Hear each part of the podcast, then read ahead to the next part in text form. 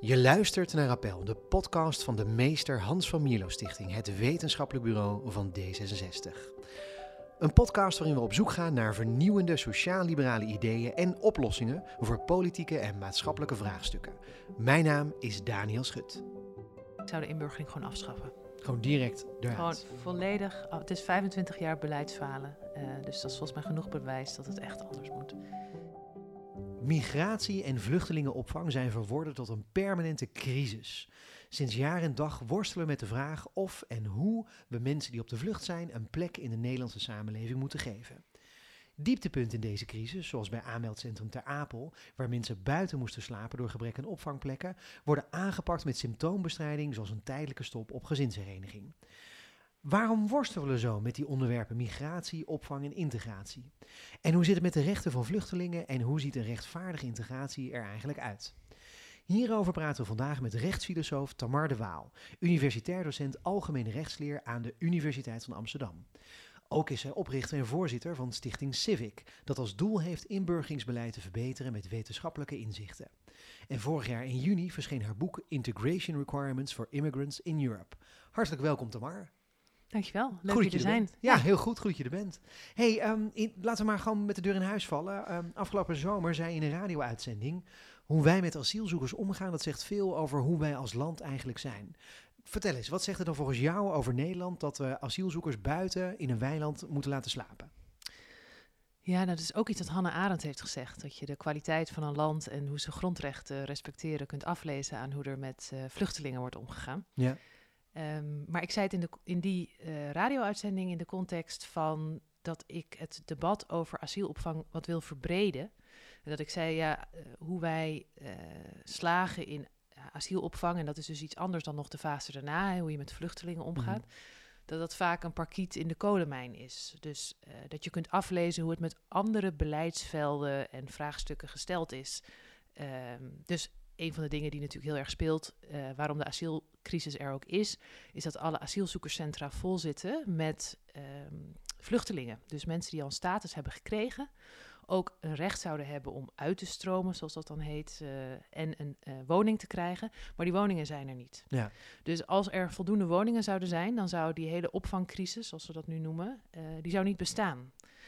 Eh, maar dan kun je zeggen, ja, het is een probleem van asiel en instroom. Maar ja, we zien dat die woningencrisis natuurlijk veel breder is. Dat er ook heel veel mensen die al langer in Nederland wonen, geboren en getogen, ook geen woning kunnen krijgen. Dus dat is een onderdeel daarvan. Nou ja, een ander onder- onderdeel is eh, decentralisering, eh, bezuinigingen op onder andere de COA en het IND. maar dat is ook op het sociaal domein is überhaupt heel veel bezuinigd. Nou ja, dus ik zou zeggen van, eh, je kunt zeggen, we gaan het helemaal analyseren als opvangcrisis.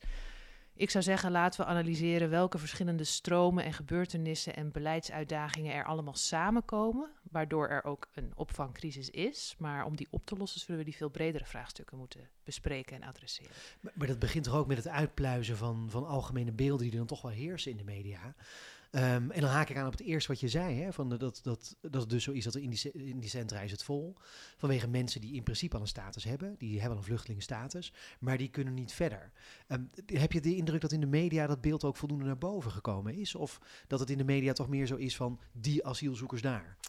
Nou, ik vind het opvallend dat er nog steeds wordt gesuggereerd dat er een historisch hoge instroom is. Terwijl als de statistiekjes en grafiekjes erbij gepakt worden, meteen duidelijk is dat dat dus niet zo is.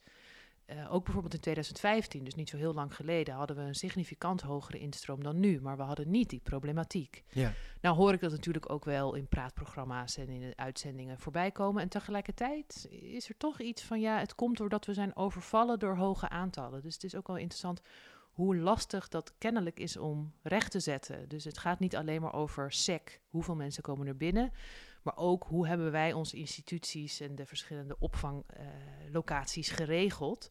Hoe, dat we dat goed kunnen opvangen. Dus ik blijf dat ook maar benadrukken overal natuurlijk. Maar Ja, eh, dat, dat dingen- beeld dat jij noemt, dat is toch moeilijk te doorbreken. Dat ben ik met je eens. Het is vandaag niet hoger dan in 2015 en het is ook niet hoger dan in de jaren 90. Oké, ja. Dus Ja. eh, het is wel een verhoogde instroom, laat ik dat erbij eh, wel noemen. Ehm, en wat natuurlijk ook speelt, is dat er ook heel veel Oekraïners zijn. Dus er zijn meer dan 80.000 Oekraïners op dit moment. Dat zorgt er ook weer voor dat in bepaalde gemeenten, bepaalde locaties natuurlijk toch en andere bepaalde middelen anders worden ingezet. Dus dat komt ook samen. Ehm, maar nogmaals, uh, de uitdaging zou niet zo groot moeten zijn dat er mensen buiten, buiten moeten slapen. En dat is wel gebeurd. Ja, dat is wel gebeurd. Ja, en nu zeggen ze ook, we denken dat we het met kerst redden. Maar dan denk ik ook, ja, we denken het. Dat, lijkt er dus op dat uh, het ook nog wel eens mis zou kunnen gaan. En dat er met kerst toch mensen buiten slapen. Ja, dus het is ook dat weten. Ja, dus het is ook nog niet opgelost. Ja, ja. Het, dan toch nog die vraag over die aantallen. Hè? Want je, je geeft dus aan van ja, de, de, de aantallen zijn niet historisch hoog. Um, de, dan zou een criticus natuurlijk kunnen zeggen: het maakt helemaal niet uit of ze wel of niet historisch hoog zijn. En met een criticus bedoel ik natuurlijk vooral iemand die tegen de instroom sowieso is, pertinent. Um, we hebben nu al zoveel opgevangen in het verleden. Um, en je hoort een narratief al van: oh, Nederland, altijd het braafste jongetje van de klas en helpt altijd de armste mensen wereldwijd. Um, de badkuip is gewoon vol. Dus ja, als er ook maar één of twee nu bij komen, en dan hoeft de instroom dus helemaal niet historisch hoog te zijn. Maar de capaciteit is gewoon op.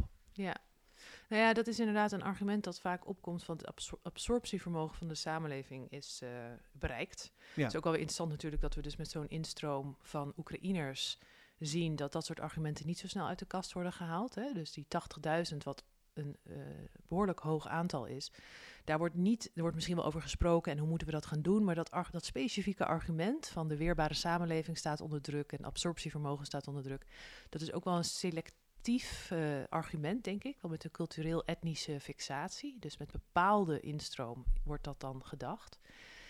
Maar laat ik ook tegelijkertijd zeggen, ja, op het moment dat een land, onder, waaronder Nederland minder migratie wil, misschien minder instroom, op zichzelf kan natuurlijk een argument zijn of een overweging. Maar dan denk ik ook, ja, dan moeten we natuurlijk nadenken over de manieren waarop we dat kunnen bereiken. En ook omdat we historisch gezien bepaalde verdragen en ook binnen de EU allerlei wetgeving hebben om rechten van vluchtelingen vrij goed te beschermen. In ieder geval zodra ze op het territorium zijn. Denk ik vaak dat de plannen die worden gemaakt in de Tweede Kamer uh, of in de, het publieke debat. Dan denk ik, ja, misschien ga je daarmee andere migranten afschrikken. Maar asiel is best wel lastig om af te schrikken. Ook omdat mensen dus al vrij sterke rechten hebben. Dus waar ik het, kijk, heel breed gesteld zou je zeggen, we moeten de redenen waarom mensen migreren verminderen. Nee, dan heb je het dus echt over oorlogssituaties voorkomen en dat soort dingen. Nou, ja. Dat is niet altijd mogelijk, zeker niet als er een land als Rusland simpelweg uh, uh, zo, agressief uh, een, een, buurland binnenvalt. Maar nog steeds, je zou natuurlijk wel kunnen nadenken over hoe kunnen we conflict situaties zoveel mogelijk voorkomen. Nou, een laag eronder is ehm, hoe kunnen we internationaal samenwerken op het dossier van vluchtelingenproblematiek. Ik bedoel, ik vind het simpelweg uitspreken, we willen minder instroom, vind ik ook niet goed. Want wat zeg je dan eigenlijk? We hebben op dit moment meer vluchtelingen dan ooit uh, gemeten wereldwijd. Ook meer dan na de Tweede Wereldoorlog. Dus ik zou zeggen, als je zegt we willen minder instroom, dan zeg je ja, we willen die mensen niet. Of we vinden het niet erg als die mensen in de greppel liggen. Of we vinden, vinden simpelweg dat andere landen het maar moeten doen, maar wij gaan verder niet meedenken hoe en wat dan.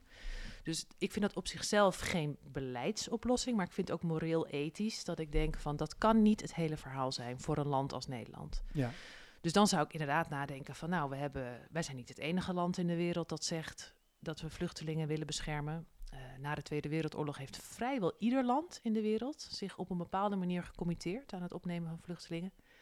Nou zie ik natuurlijk ook wel dat realpolitiek gezien dat animo enorm is uh, afgenomen. Maar nog steeds, je zou toch kunnen werken met uh, binnen de EU, maar misschien ook nog binnen andere landen, de EU met andere landen, over um, uh, resettlement programs of misschien opvang in de regio. Krijgt bijna mijn strot niet uit, omdat het natuurlijk zo vaak is genoemd. Ja, ja. Maar er zijn natuurlijk wel manieren denkbaar, ook omdat als je vluchtelingen vraagt waar ze naartoe willen. Zeker niet alle vluchtelingen willen per se naar uh, Europa. Er zijn ook wel landen die zeggen we willen in buurlanden vanwege familie, culturele affiniteit, mogelijkheden die we daar hebben zijn. Dus nou ja, in ieder geval, ik zou zeggen, dan moeten we dus veel breder nadenken dan alleen maar zeggen van ja, we willen als Nederland misschien uh, de instroom beperken en dan iets met gezinshereniging doen. Ja, daar, dan, dan vind ik dat. Uh, ja, ik zit even na te denken over een beetje een beleefde manier om dat te zeggen. Maar ik denk het, dat... het mag best onbeleefd hoor. Dat is, uh... Nee, maar ik denk, ja, dat stak mijn broek een beetje vanaf. Dat wil ik eigenlijk zeggen. Okay, dat ik denk dat... van, ja, dat is... Maar niet alleen maar omdat ik het moreel of dat ik zelf idealisme heb, dat dan niet andere mensen hebben. Maar ook dat ik denk, er is gewoon geen enkele manier waarop dit echt een oplossing gaat bieden. Dus het ettert alleen maar verder en dan hebben we toch onze eigen waarden geschonden. Uh, dus uh, ik zie eigenlijk geen enkele manier waarop dit een goed idee zou kunnen zijn. Ja, er zit heel veel in het verhaal wat je nu ja. al vertelt. En dan wil ik, er zijn allemaal dingen waar ik echt uitgebreid uh, diep op in wil gaan. Maar dan toch maar met het laatste stuk als eerste om eerst te beginnen. Um, je, je, zegt dus terecht, nou ja, je, je, zegt van mijn broek zakt er vanaf als mensen zeggen uh, instroom beperken. En uh, dan ondertussen ook maar het nadenken over je waarden en, en je kernen. dat maar achterwege laten.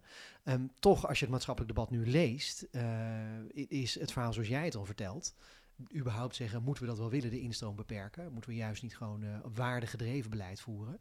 Um, dat is hetgene wat een beetje nu uh, op, onder kritiek staat.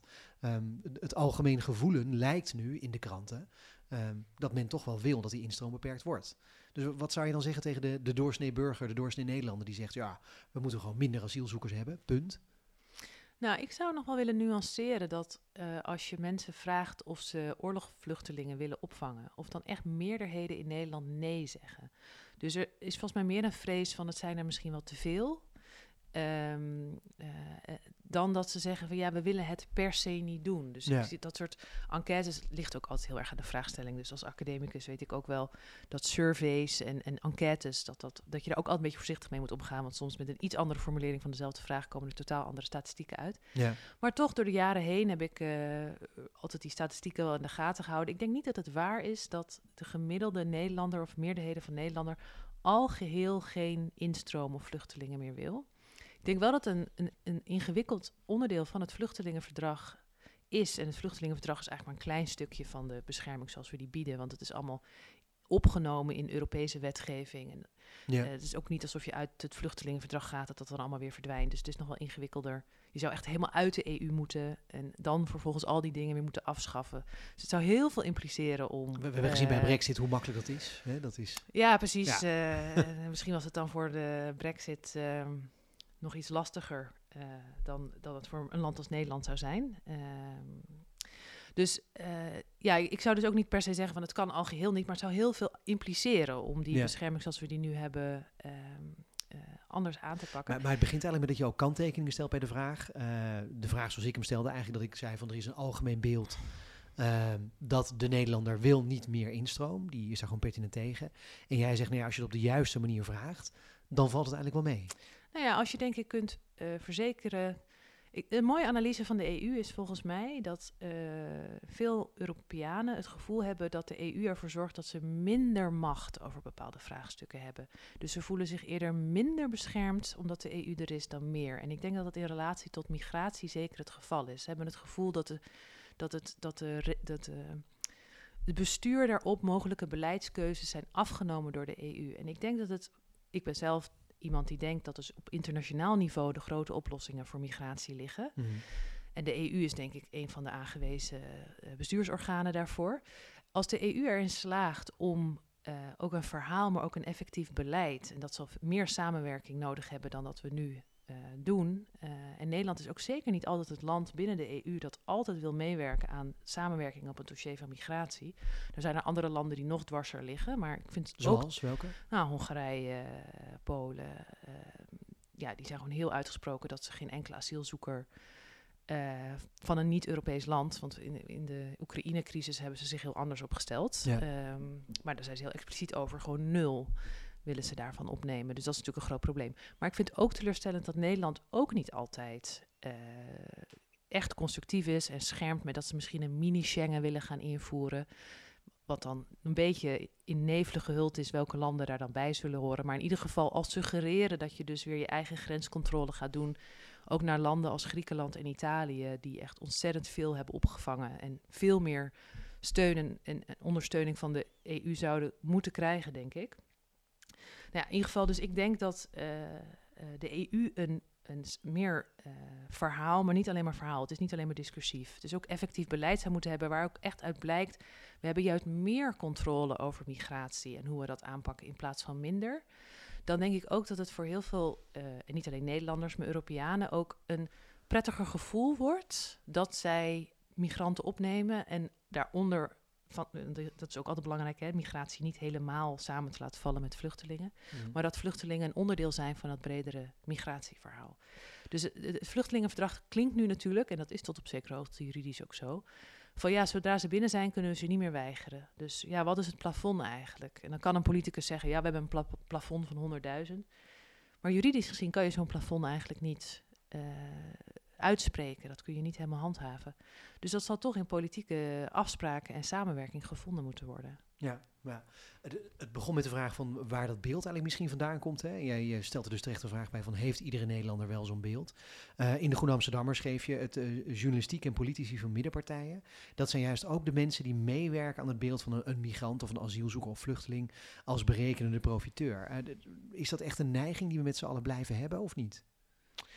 Um, even nadenken hoor, in welke context ik dat ook weer schreef. Um, ik denk dat uh, het, het voor een democratie in het algemeen uh, een gevoelig punt is dat het onderwerp van migratie politiseert.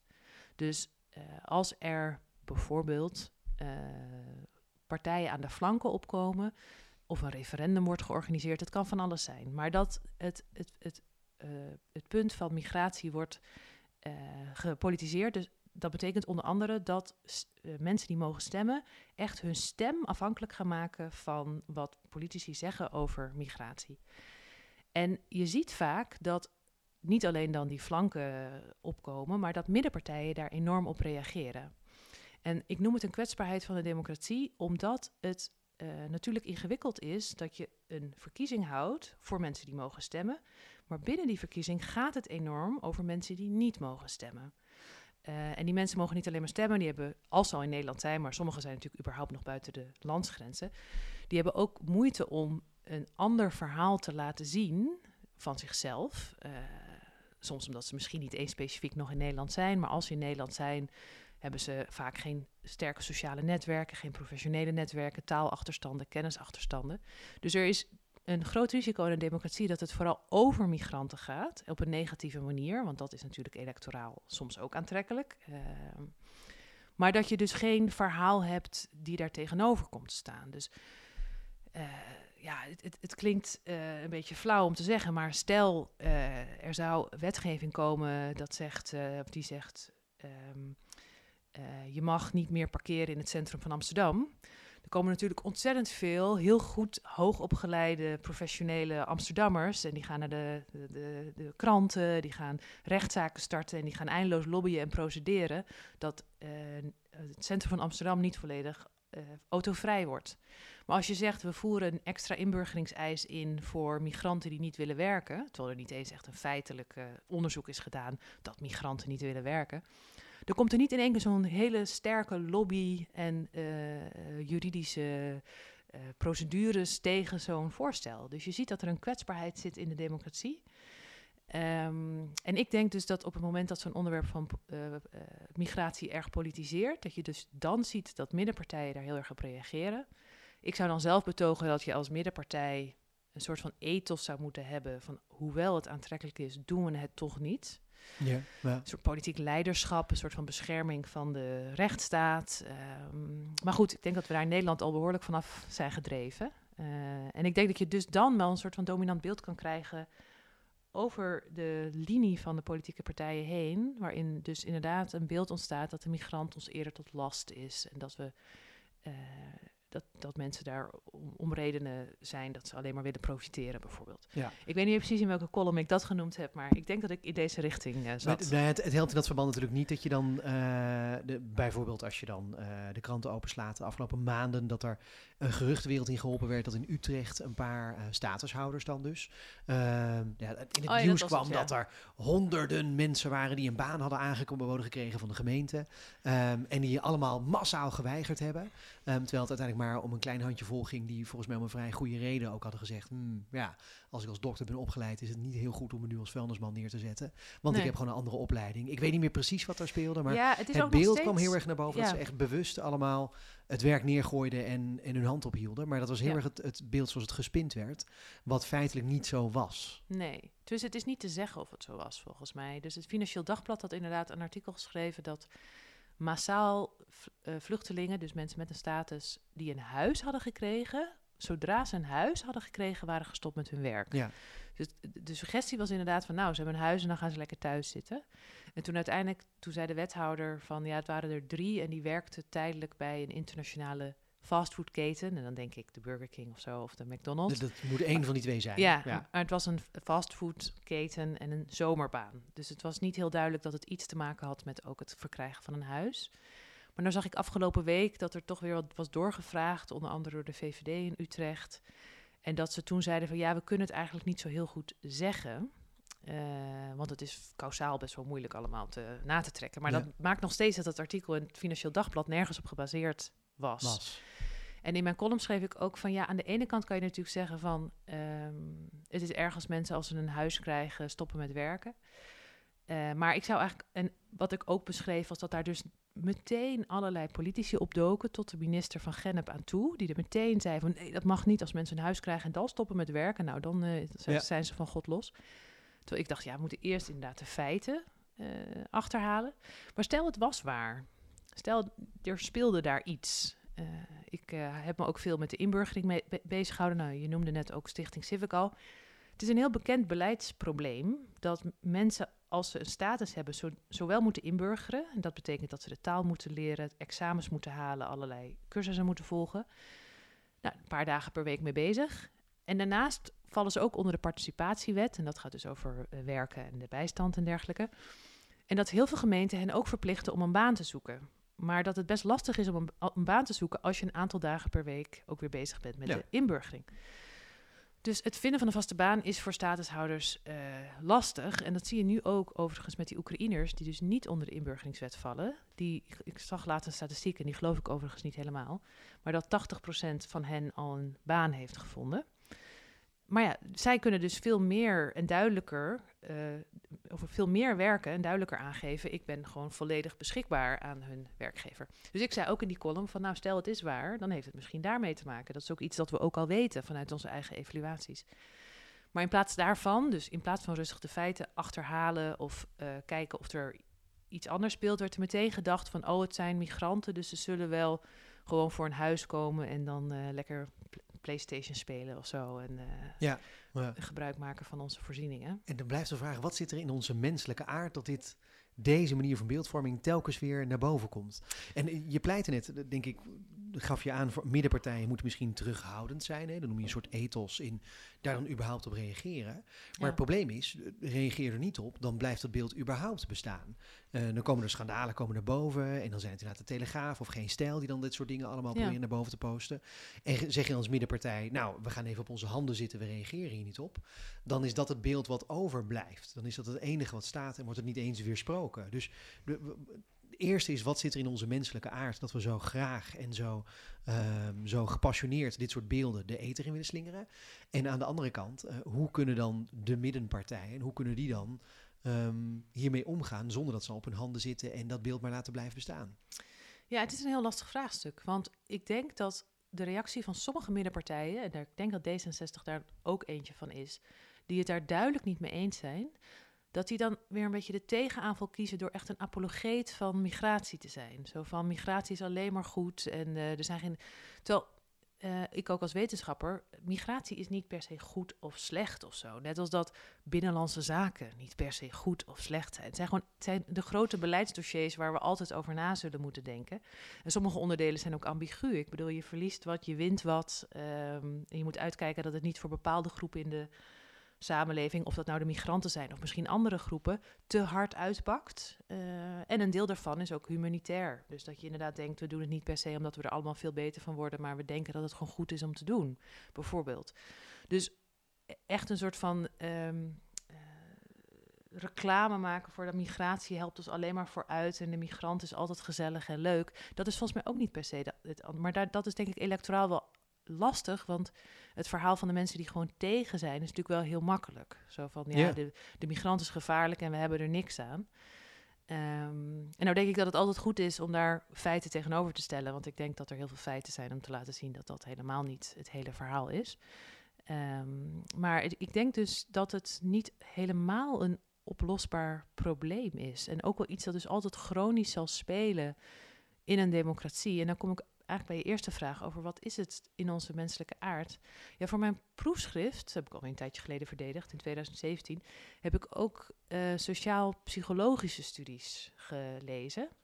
En uh, ik ben zelf helemaal geen sociaal psycholoog, maar ik heb me er wel enigszins in verdiept. En wat ik er interessant aan vind, is dat het is ongelooflijk hoe weinig er, er nodig is om mensen in-group en out-group attitudes uh, te laten voelen. Ja. Dus uh, wij denken misschien, ja, het heeft vaak te maken met een andere cultuur. Zet ik even tussen aanhalingstekens, want wat dat betekent is soms ook totaal onduidelijk. Of echt uit een ander land komen of er anders uitzien. Maar de manier waarop wij onszelf identificeren met, ons, met onszelf of eigen groepjes en dat de ander dan eigenlijk alleen maar een probleem is. Ehm, en zeker als er dan nog wat verhalen uh, die echt negatief of stokerig zijn uh, ontstaan. Ja, het is haast uh, uniek maar dat is wel wat een democratie nodig heeft natuurlijk. Als uh, er een verhaal bestaat en dat mensen zich daar in ieder geval tot op zekere hoogte mee identificeren. Dat we gelijke burgers zijn, dat we gelijke rechten hebben om hier te zijn. En dat we. Kijk, je hoeft ook niet allemaal vrienden te zijn natuurlijk. Uh, maar je kan in ieder geval wel een politieke gemeenschap delen. Ja. Um, dus ik denk dat daar constant heel veel werk voor nodig is om een nationale identiteit te behouden die inclusief is. Om ook een bepaalde. Het is niet alleen maar identiteit en verhalen. Het gaat ook over dat je bepaalde structurele, bijvoorbeeld je ongelijkheid in je samenleving, dat dat niet te ver uiteen raakt. Want dan blijkt het ook heel lastig om, uh, denk ik, om een gelijkwaardig burgerschap uh, te bewaren. En dat mensen zich ook uh, gerespecteerd voelen daarin. Dus het is een hele ingewikkelde puzzel, waarbij denk ik de sociaalpsychologie vooral heeft aangetoond hoe snel mensen uh, de ander als ander zien. En dat is dus veel een veel groter vraagstuk dan migratie. Maar ik denk wel dat migratie daar ook een onderdeel van is. En, dat verklaart dus waar dat beeld telkens vandaan komt. Het, het, het, verklaart misschien ook een beetje wat je in een andere column eh, zei. Dat je het had over uh, de crisis rondom opvangcentrum Ter Apel. Dat is alles behalve een incident. En dat is eigenlijk wat je nu ook aangeeft. Hè. Het, is iets, het is een discussie over migratie die we altijd zullen blijven voeren. Dat, is, dat lost zich niet op. Um, een eeuw na dato, dus ergens in 21, 22. Dan zullen we het hier ook nog steeds over hebben. Ja, ik denk niet dat je migratie ooit in een liberale democratie, uh, en zeker niet als je inderdaad bepaalde constitutionele afspraken hebt dat mensen, uh, migranten ook rechten hebben. En dan niet alleen vluchtelingen die nog uiteindelijk echt op een pad naar burgerschap komen. Maar je hebt natuurlijk ook ongedocumenteerde, hmm. uh, mensen die uitgeprocedeerd zijn, maar niet uitzetbaar zijn. Je houdt altijd vraagstukken over, volgens mij. Um, en dat zal niet verdwijnen. Uh, en daarmee vind ik het wel altijd fascinerend dat migratie is qua politiek onderwerp, denk ik, in ons associatieve kader is het gekomen in een, een politiek onderwerp dat ons bedreigt. Uh, terwijl ik denk, het moet een van de primaire of de belangrijke uh, politieke onderwerpen zijn. Ik denk dat het een heel groot vraagstuk is. Uh, ook, ja, wij zijn een klein, welvarend land in een grote wereld. mm -hmm. dus dat zal niet zo snel van tafel gaan. Maar goed, ik denk dat onderwijs is heel belangrijk, uh, defensie is heel belangrijk en migratie is daar gewoon een onderdeel van. Ja, dus ik, ja. ik zou het uit die box van we, zijn, we staan onder druk en we zijn in gevaar naar een van de grote politieke uh, onderwerpen, zou ik het willen verschuiven. En zou je dat dan niet uh, snel vlot kunnen trekken en daarmee misschien dan juist wel oplossen? Door te zeggen, we gaan migratiebeleid op basis van waarden voeren in plaats van op incidenten blijven reageren. En daarmee komen we dan weer terug op nou, heel veel dingen die je zelf hebt aangehaald. Uh, we hebben verdragen getekend over waarom bepaalde vluchtelingen toelaten, wat goede gronden daarvoor zijn. Daar hebben we goed over nagedacht destijds, neem ik aan, toch? Ja, ja, ik, ik ben natuurlijk zelf jurist, dus ik zit ook vaak van ja, de verdragen dit en ja, dat. Ja. Maar je moet natuurlijk uiteindelijk ook de laag eronder inderdaad altijd wel bespreken. Van waarom willen we dat eigenlijk en waarom is het belangrijk? Dus uh, je hebt ook wel uh, de term rights talk. Dus dat is inderdaad dat je het democratische debat altijd invult met ja, maar dit is een recht van mij ja, of uh, recht van die en die groep. En dat je daarmee niet eens meer het echte democratische waardedebat voert. Dus aan de ene kant, het is gewoon een feit dat uh, Nederland aan bepaalde uh, verdragen gebonden is en ook uh, samenwerking in de EU. En, voor en ook grondwetten. verdragen zijn dat zo? Dat is... nou, je hebt het vluchtelingenverdrag natuurlijk, dat is na de Tweede Wereldoorlog getekend. Dat was toen vooral met betrekking tot de 50 miljoen vluchtelingen die er toen waren. In de jaren 70 is daar een protocol aan toegevoegd dat het geografische component daarvan is weggehaald. Dus dat het niet alleen maar ging over mensen die binnen Europa uh, ontheemd waren geraakt, maar veel breder. Uh, nou, dat vluchtelingenverdrag, dat is er nog steeds. En het is ook een voorwaarde om lid te worden van de EU, om daar uh, onderdeel van te zijn. Uh, maar de EU heeft zelf ook weer allerlei regels en verdragen, ook met betrekking tot vluchtelingen. En een van de kernartikelen in het Europees Verdrag voor de Rechten van de Mens is artikel 3.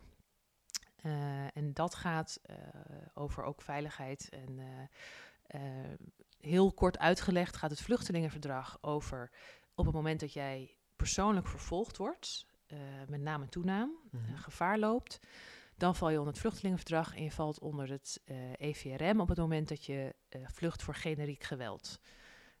Dus oorlogssituaties, et cetera. Maar de verschillende regels die daar dan weer daarna van toepassing zijn, die zijn in ieder geval in Nederland hetzelfde. Dus je krijgt dan dezelfde asielstatus, moet aan dezelfde dingen voldoen. En na vijf jaar heb je dan recht op permanent verblijf. En het interessante aan het vraagstuk is natuurlijk dat wij zeggen we geven mensen vijf jaar asiel. En als in die vijf jaar de situatie in hun thuisland verbetert, dus in het geval van het vluchtelingenverdrag is dat op een of andere manier die persoonlijke vervolging verdwijnt. En in het geval van het EVRM uh, dat uh, de oorlogssituatie uh, duurzaam verbetert, dan kunnen we mensen terugsturen. Maar als dat niet zo is, dan kan dat niet. Dus dat is een van de belangrijkste beginselen van het, van het vluchtelingenrecht, non-refoulement. Dus niet, mm. je mag iemand niet terugsturen naar een land waar iemand gevaar loopt. Maar ja, hoe ga je dan in die vijf jaar met mensen om? Ga je met ze om alsof ze blijven, omdat je denkt, ja, de kans dat ze blijven is aanwezig? Of zeg je, we wachten die vijf jaar af. En pas als echt duidelijk is dat ze mogen blijven, dan zetten we de knop om.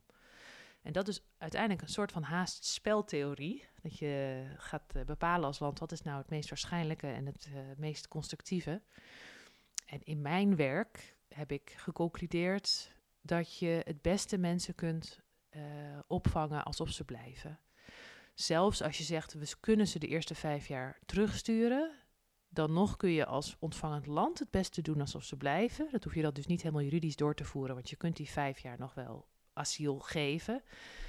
Maar als we dan na vijf jaar blijven, en dat is toch denk ik zeker sinds de Tweede Wereldoorlog in vrijwel alle gevallen van vluchtelingeninstroom het geval geweest dat het conflict of de problematiek langer duurde dan vijf jaar, dan heb je na die vijf jaar al een goede start gemaakt. Terwijl als je dan nog die conditionaliteit moet gaan doorbreken en dan gaat zeggen van ja oké, we dachten eerst dat u misschien terugging, maar we gaan nu doen alsof u blijft en investeren in u, dan is er in die jaren toch te veel achterstand en ook mentaal um, een waardigheid vaak bij migranten weggenomen, die ervoor zorgt dat er op de lange termijn de, de, de ja, ik, ik, gebruik zelf het woord integratie niet echt, maar dat in ieder geval de start en het, en het, het, het burgerschap later niet zo. Uh, ik wil straks van je horen waarom je het woord integratie niet gebruikt, maar ja. eerst nog even dan neem me dan mee. Wat gebeurt er dan? Wat gebeurt er dan nu? Dus jouw advies is heel duidelijk. Hè? Iemand komt binnen, um, die krijgt die status voor vijf jaar. We daarna kunnen we ze nog terugsturen, maar je zegt heel helder, vanaf dag één eigenlijk, als ze binnen zijn, vang ze op alsof ze permanent blijven. Ja. Maar dat doen we nu dus blijkbaar niet. Wat doen we nu dan wel? Nou, we suggereren dus dat bijvoorbeeld met die inburgering... Het interessant is nu dus dat we verschillende groepen door elkaar aan het lopen zijn. Ja, uh, en dat is ook interessant om te zien welk beleid uh, beter is. Dus als we even bij de reguliere vluchtelingen blijven, dus dan hebben we het niet over de Oekraïners met de niet-Europese vluchteling. Daarvan zeggen we vijf jaar lang van ja, we gaan nog kijken of u mag blijven. En in de tussentijd moet u de inburgering halen. En die inburgering, ja, er is heel veel over te zeggen en ook heel veel in gebeurd de afgelopen twintig jaar. Maar grosso modo is dat nog steeds wel een parcours dat je moet afleggen om te laten zien dat je geïntegreerd bent. En dat moet je binnen drie jaar doen. En nadat je dat dus na die drie jaar hebt gehaald, moet je nog twee jaar wachten totdat je permanent verblijf kunt aanvragen. Dus er zit altijd nog een bepaalde conditionaliteit in. Dus er wordt uh, niet gezegd van we gaan ervan uit dat u blijft, maar dit is nog een soort van ja. testfase. Ja. Um, bij de Oekraïners is dat weer anders, want zoals ik net ook al noemde, zij hoeven niet in te burgeren. En ik denk zelf, hoewel ik helemaal niet tegen ben dat mensen taalkursussen aangeboden krijgen, et cetera, kunnen we ook nog over praten. Maar dat ze de huidige inburgering niet hoeven te doen, is volgens mij een kleine zegen. Uh, maar tegelijkertijd, ze hebben nu drie jaar uh, bescherming op basis van een richtlijn van de EU, die is ge, uh, ingevoerd in 2001. En het idee is, jullie hebben drie jaar verblijf en jullie hebben daarna geen recht per se om te blijven. Dus het is voor de Oekraïners nog vrij ongewis wat er na die drie ja. jaar gebeurt. Nou zullen ze niet worden teruggestuurd naar een oorlogsgebied, dus dan zal er wel weer een slag worden gemaakt weer. Maar op zich vind ik dat jammer, dat er dus weer met een soort van tijdelijkheid wordt gewerkt. Uh, waarmee dus toch een soort van uh, conditionaliteit wordt ingevoerd. Omdat ik denk dat als je naar de Europese migratiegeschiedenis kijkt, en die is veel breder dan vluchtelingen, maar als we het even concentreren op vluchtelingen. Maar bij andere groepen speelt het bijvoorbeeld ook. Ik bedoel, de gastarbeiders zijn er ook een heel goed voorbeeld van. Ja. Dat er zo lang mogelijk wordt gesuggereerd, tijdelijk, tijdelijk, tijdelijk, tijdelijk. Uh, en dat er dan op een gegeven moment toch die omslag wordt gemaakt. Oh nee, toch niet tijdelijk. En dan dus, is het te laat. Ja, nou ja, te laat. Maar dan mijn pleidooi zou zijn, laten we dat, dat spelletje haast, laten we dat een keer doorbreken. Waarom doen we dat spelletje dan? Waarom deden we dat? Ja, ik denk dat er inderdaad een ongemak is. Uh, dus toch om eerlijk te communiceren dat uh, bepaalde groepen gaan blijven. Mm -hmm. Dat is ongemak van, van, wie, jegens wie? Nou, of dat misschien politici denken. Ja, ik, ik, zit nu een beetje op twee paarden, omdat ik denk aan de ene kant de gastarbeiders, aan de andere kant vluchtelingen. Het zijn weer hele andere groepen. Het zijn hele andere groepen. Het is goed ja, om ze dus, apart ook te bespreken. Ja, ja. dus um, ja, ik denk dat, dat, dat bij vluchtelingen het uh, zo is dat uh, de de, de EU, zoals ik net ook al noemde, geeft ook wel eens het gevoel dat mensen minder regie hebben op, op migratie. Dat is denk ik bij vluchtelingen tot op zekere hoogte het geval. Dus het niet kunnen terugsturen, dat staat enigszins vast. En nationale politici moeten dan een verhaal hebben dat zij nog steeds wel bezig zijn met vluchtelingeninstroom. En dan gaan ze voor de second best, en dat is inburgering. Hmm. Want inburgering mag wel, ook eh, op basis van Europees recht mag dat wel. Uh, en het klinkt ook als, als dat wordt besproken in het parlement, alsof het moeilijker is om te blijven, of moeilijker wordt om Nederlander te worden. Dus ik heb ook in mijn boek, uh, dat je ook noemde, laten zien dat uh, in Nederland er sinds 1998 inburgering is. En dat dat dus nu 20 jaar iets meer is ingevoerd en dat dat meer dan 20 keer gewijzigd is. Dus het is een, een haakje om het migratiedebat te voeren. Maar wat je dan doet bij inburgering, is dat je vereisten gaat invullen, in gaat voeren voor groepen die een vrij sterke status hebben. En het is ook niet zo dat als mensen de inburgering niet halen, dat ze dan ineens wel naar een oorlogsgebied teruggestuurd kunnen worden. Ja, dat is natuurlijk een vervolgvraag. Ja, ja, dus het is eh, uiteindelijk, als je het helemaal uitzoomt en juridisch helemaal zegt van nou, dan is het nog een asielzoeker, dan wordt het een vluchteling, dan komt de inburgering. Als je dat helemaal zou kunnen uitleggen, dan zou je al vrij snel zien van waarom zullen we nou een inburgering invoeren die suggereert dat mensen het moeten halen om te blijven. Maar toch in, het, in, de, ja, in de grote politieke discussie, in de media, in bredere sentimenten inderdaad over migratie, klinkt zo'n inburgeringsvereiste toch al snel best wel goed. Dus je ziet dat die inburgeringsvereisten enorm toenemen. Dus ik denk dat die conditionaliteit toch wordt gevoerd omdat mensen het eigenlijk over de migratie willen hebben, maar die is bij vluchtelingen al achter de rug en moeilijk ongedaan te maken. En dan doen ze de inburgering als uh, tweede, tweede optie. Eigenlijk een politicus die dus niet durft te zeggen... we gaan de grenzen sowieso dichtgooien. Nee. Maar wel een soort belofte wil doen aan, aan bepaalde stemmen. Ja. Uh, die zegt dus inderdaad van... nou, dan, dan plakken we er een voorwaarde op. Dit diploma moet je halen. En anders, dan mompelt hij wat... want terugsturen kan alsnog niet. Nee, dat klopt. wat het is. Ja, maar. maar ik denk toch op de lange termijn dat dat niet werkt. Uh, want inderdaad, dat idee van mensen moeten inburgeren en dan verdienen ze het te blijven. Dus mijn uh, proefschrift, mijn titel daarvan was ook Conditional Belonging. Dus je moet ergens aan voldoen om erbij te mogen horen. Nou ja, dat, dat, dat roept natuurlijk de vraag op, maar wat doen we dan met de mensen die het niet halen? Dan, dat is, en dan is daar niet echt een antwoord op. Dus ik denk dat als je toch zo'n soort conditioneel verhaal hebt, waarin dus de migrant een soort van contract moet behalen. Zo van de migrant moet integreren en dan levert de staat rechten.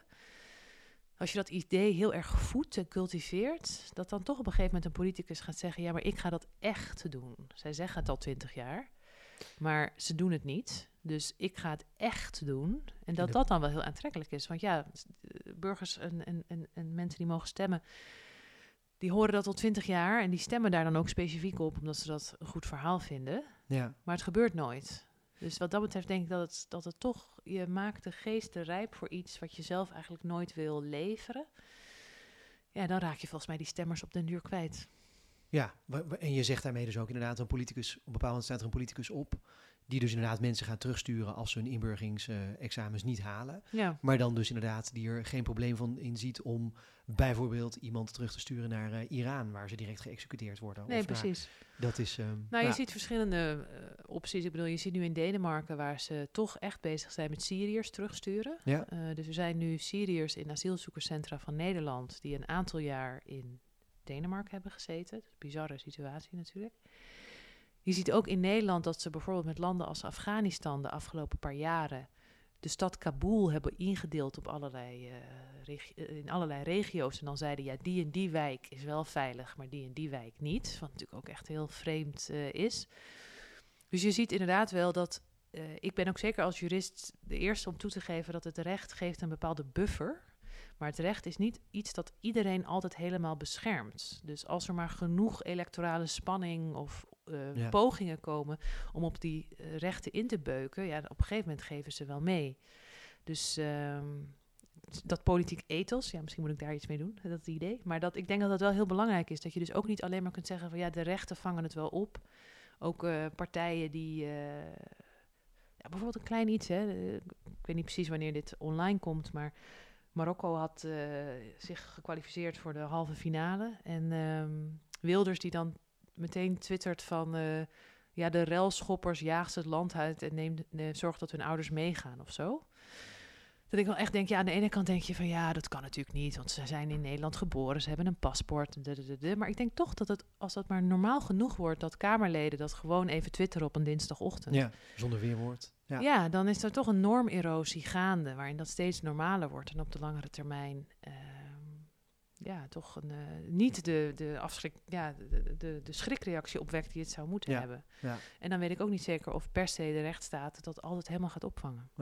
Dit, dit is mede geloof ik een reden, als ik je goed begrijp, eh, waarom je in je boek Integration Requirements for Immigrants in Europe stelt dat eh, ontvangstbeleid en onderwijs totaal losgekoppeld moet worden van het geven van de rechten aan vluchtelingen.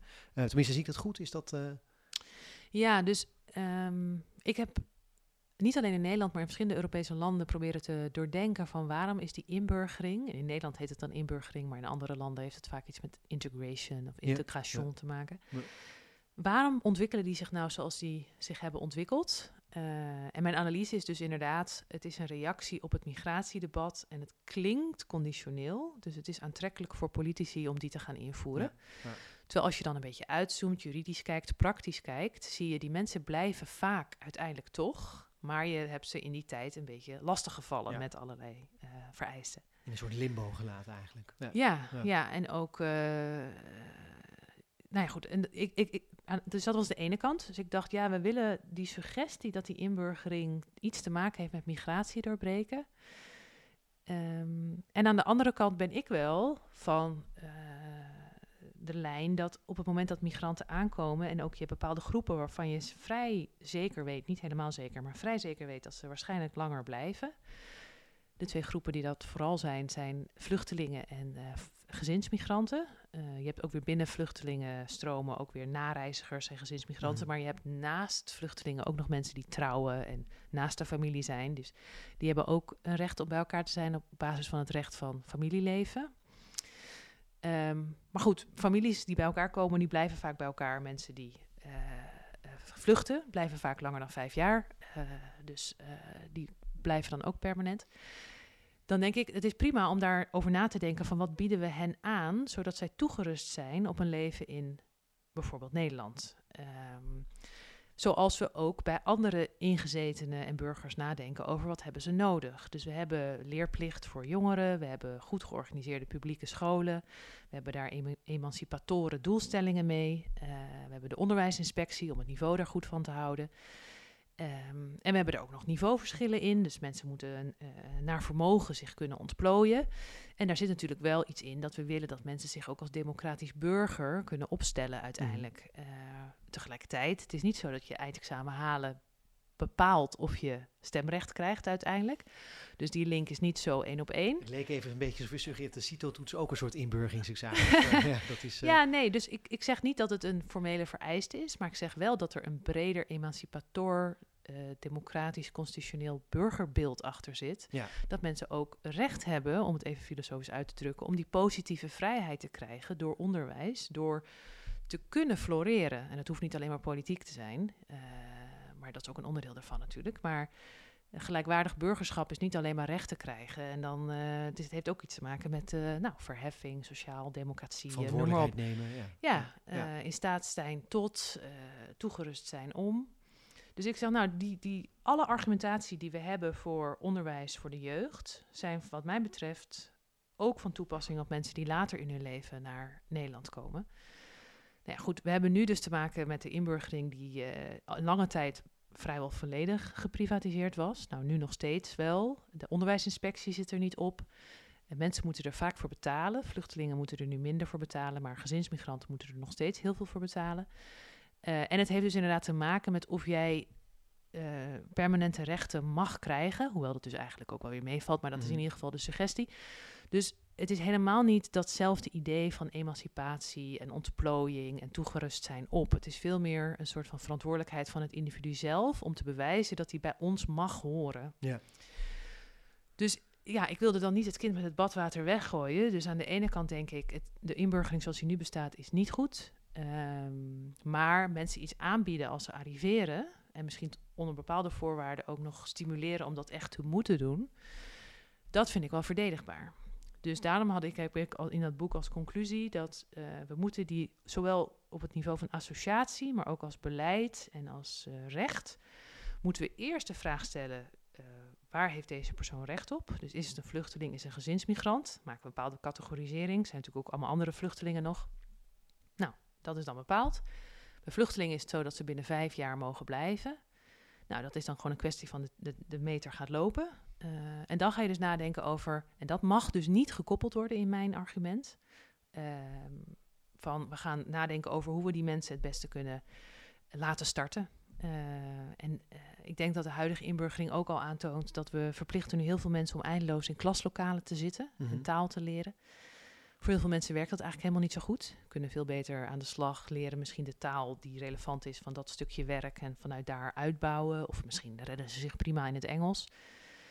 Uh, dus het hoeft ook helemaal niet een soort van klassikaal onderwijs te zijn dat dan iedereen wordt aangeboden. Maar dat je in ieder geval nadenkt van uh, hebben we iets van een traject, een idee, waarin zowel de achtergrondcapaciteiten, maar ook dingen als trauma, gezinssituatie, uh, noem maar op leeftijd. Ik bedoel, het is allemaal ook echt wel wat makkelijker als je 19 bent in plaats van uh, 63. Om bijvoorbeeld een andere taal te leren. Ja. Um, dus een op maat, op maat gesneden plan. Uh, maar nog steeds wel met het idee van uh, ontplooien. Dus ik zeg dat daar kan je nog wel over nadenken. Kan je ook verplicht stellen. Ik moet trouwens weer opmerken dat binnen Stichting Civic het verplicht stellen daarvan, daar, daar hebben we discussie over. Dus ik vind dat dat wel kan, maar Stichting Civic vindt, is daar wat genuanceerder over. Maar um, ik denk dat dat wel belangrijk is. Stevig aangemoedigd, zeggen jullie misschien meer? Of? Ja, nou ja, ik, ik, zou, zou, zou, mijn meden, civic-genoten, die zouden zeggen gewoon inderdaad aanbieden en dan kunnen mensen zelf bepalen of ze dat willen doen. Mhm, Uh, ja.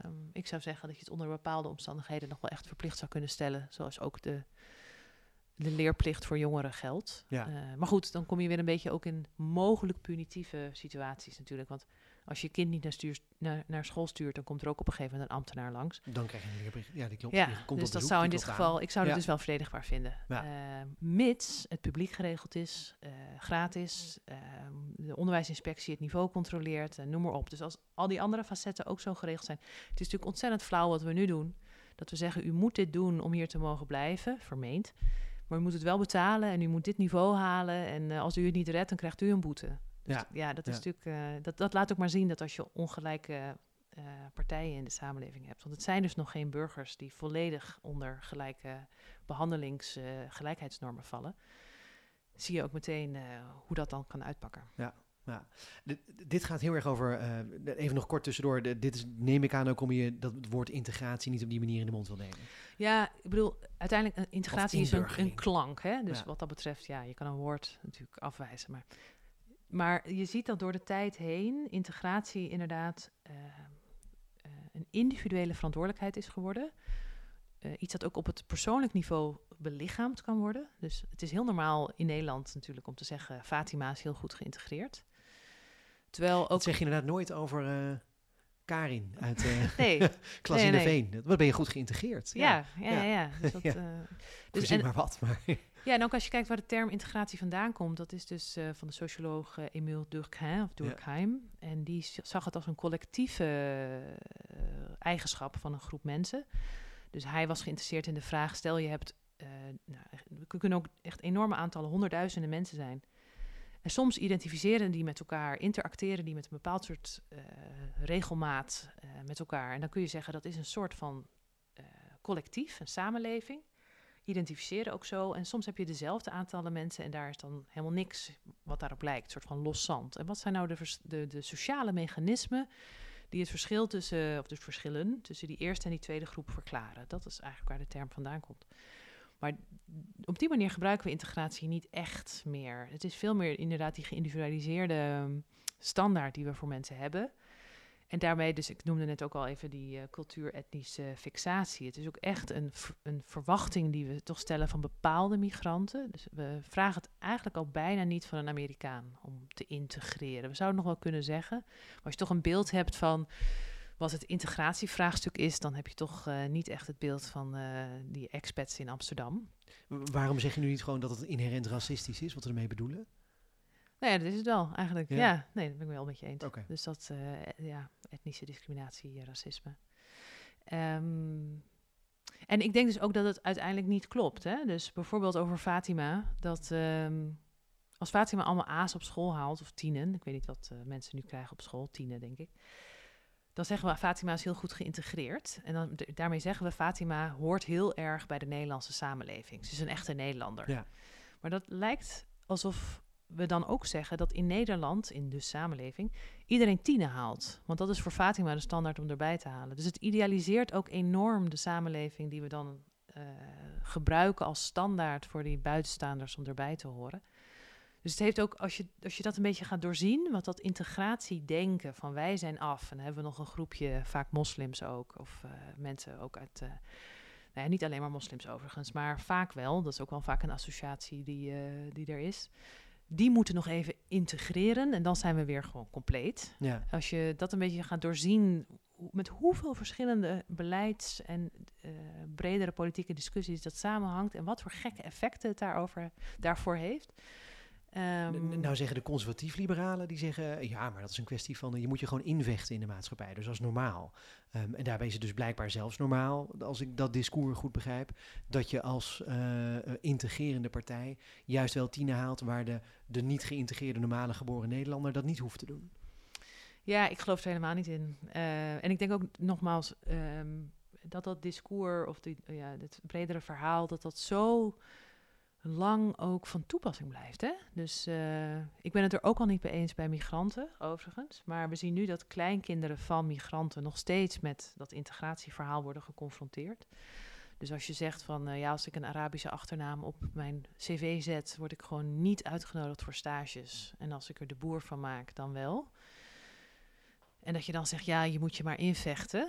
Hoe lang moet je dat doen? Ja. Ja, ik, Ja. ik, nee, dus dat lijkt me ook. Het, het, gaat het idee van gelijkwaardig burgerschap. En eh, ik, denk, ja, ik denk dat dat zoveel relativeert dat de kern is van eh, een democratische rechtsstaat. Dat, eh, ik denk niet dat dat de lijn is die we moeten aanhouden. Maar we moeten langzamerhand afronden. Oh, maar ik wil nog één vraag stellen. Want in het begin zei je iets heel interessants. Namelijk, je zei dat, we, ehm, dat Europa misschien...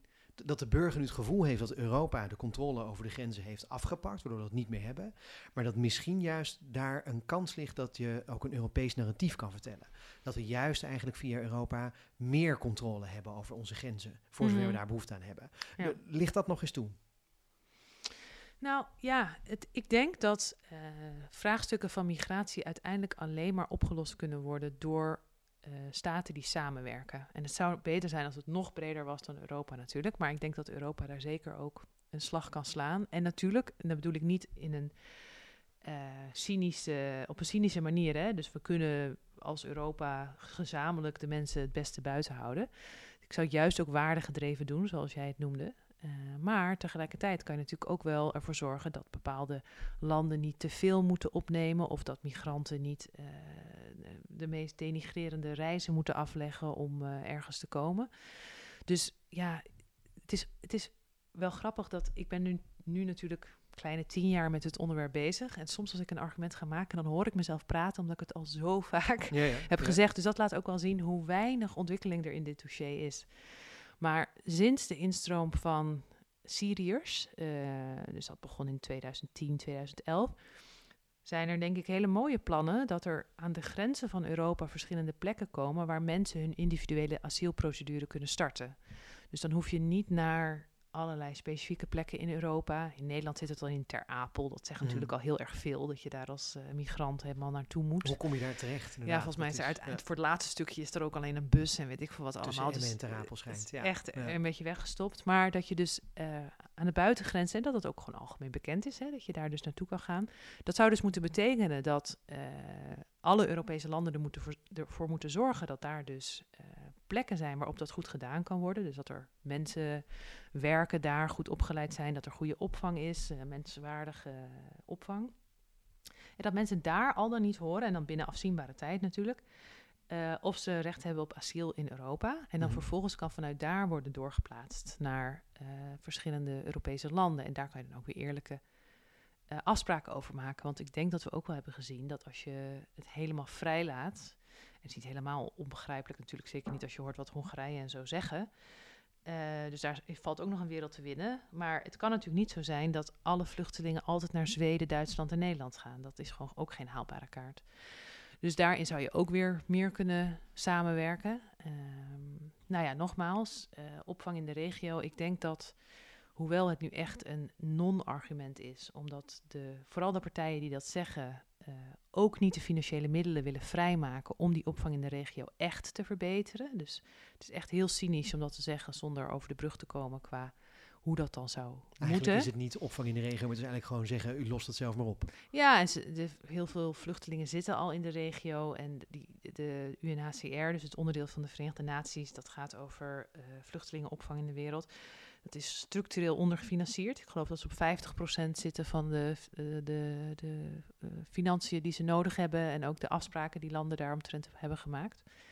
Dus dan zeg ik, oké, ik ben zelf niet voor opvang in de regio als oplossing voor alles. Maar ik denk dat als je kijkt naar vluchtelingenvraagstukken nu, ik bedoel, we hebben nu rond de 80 miljoen vluchtelingen, ehm, dat daar zowel integratie en opvang in de regio voor nodig is, als herplaatsing, als hopelijk, als het mogelijk is, terugkeer van bepaalde groepen.